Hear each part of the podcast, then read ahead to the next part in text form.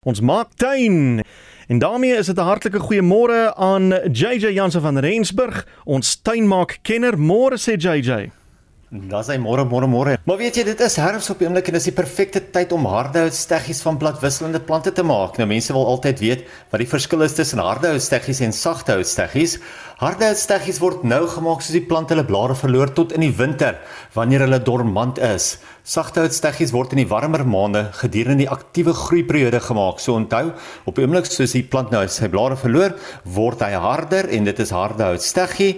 Hy droog eintlik uit, hy gaan in rus in en wanneer 'n mens hy sagte nuwe groei kry, is dit wanneer 'n mens sagte hout steggies maak. Mens hoef glad nie so baie moeite met harde steggies te doen soos met sagte steggies nie. Mens kan die lote wat jy wil plant eenvoudig sny. Jy kan dit in hormoonpoeier druk en sommer ook weer terug in die tuin in 'n bedding weer inplant. Jy hoef dit nie eers in steggie laaie of saai laaie te sit nie.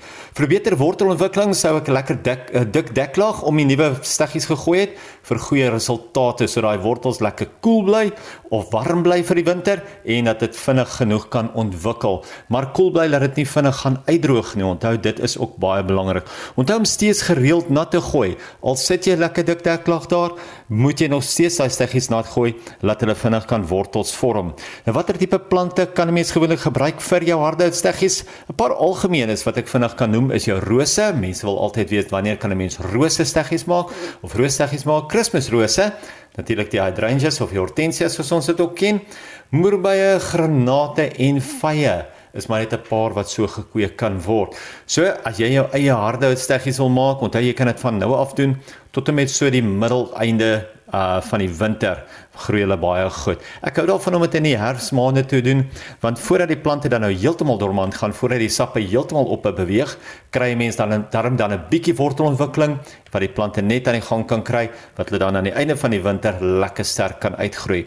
Nou wat is herfstuin sonder pragtige herfsloof? Dis nou wat daai pragtige geel tot wynrooi blare die landskap oorneem. Nou is 'n goeie tyd om jou herfstuin aan te vul en is lekker om ook te kyk wat ander mense in hulle tuine het. Kom ons kyk gou na 'n paar wat 'n mens in jou tuin kan plant.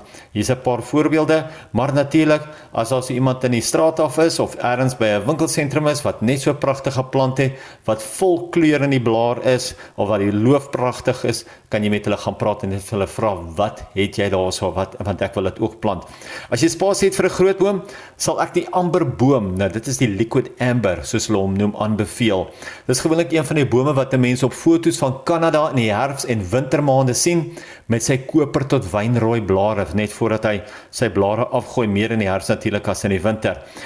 Hy is een van daai groot bome wat ook bo al die geboue uitstaan. As 'n mens kyk, jy kry dit altyd op poskaarte of leg uh, legkaarte kry jy hierdie pragtige foto's van Kanada met al die verskillende kleure in die blare en dan is dit gewoonlik die amberboom wat ook daar tussenin is. Saam met die maplebome, maar 'n mens kry nie daai groot maplebome sommer in Suid-Afrika nie.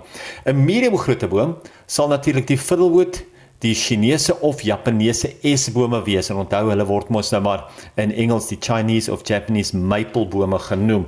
Ongelukkig word die esbome baie erg deur die somkopkewer aangeval. Dit is natuurlik die shottle borer beetle. So mens moet maar seker maak dat jy nie daai probleem in jou omgewing het nie of as jy die probleem het, uh eerder probeer om om daai bome te vermy want anders gaan jy ongelukkig weer met hulle sukkel.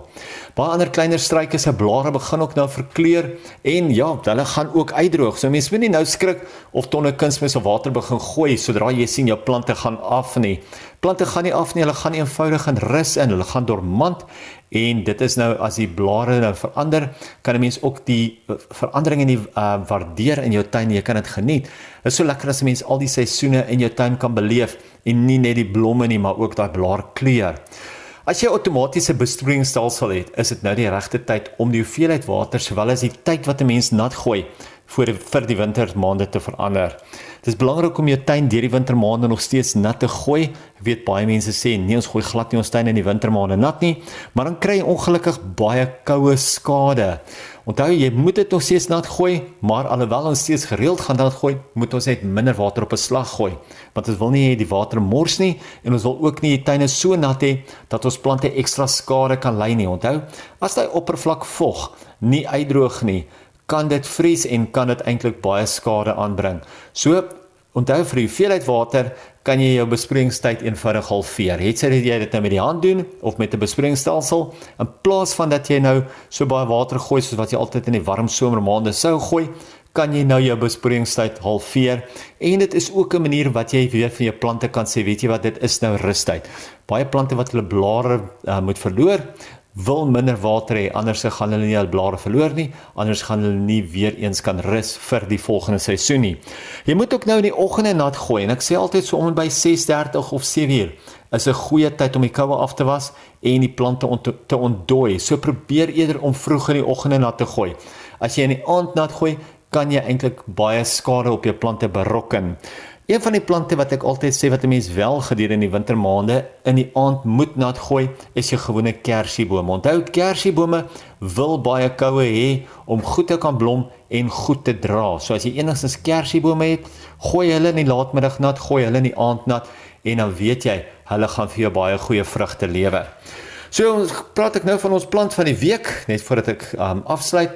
Wil ek net gou sê nou dat ons nader stap in die winter, en winterblommende plante oral om ons gaan kry, wil ek die Aloe piri piri die plant van die week maak. Nou die Aloe piri piri groei so om by 20 tot 30 cm hoog.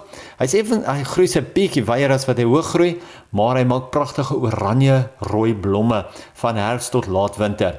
Hy kan vol son of half skaduwee hanteer. Natuurlik hoe meer son hoe beter. Hy is lekker gehard en hy is ook waterwys. So as jy een van daai plante soek wat regtig min moeite nodig het en vir jou baie blomme gaan gee, kyk bietjie uit of jy die Aloe piri piri in die hande kan kry.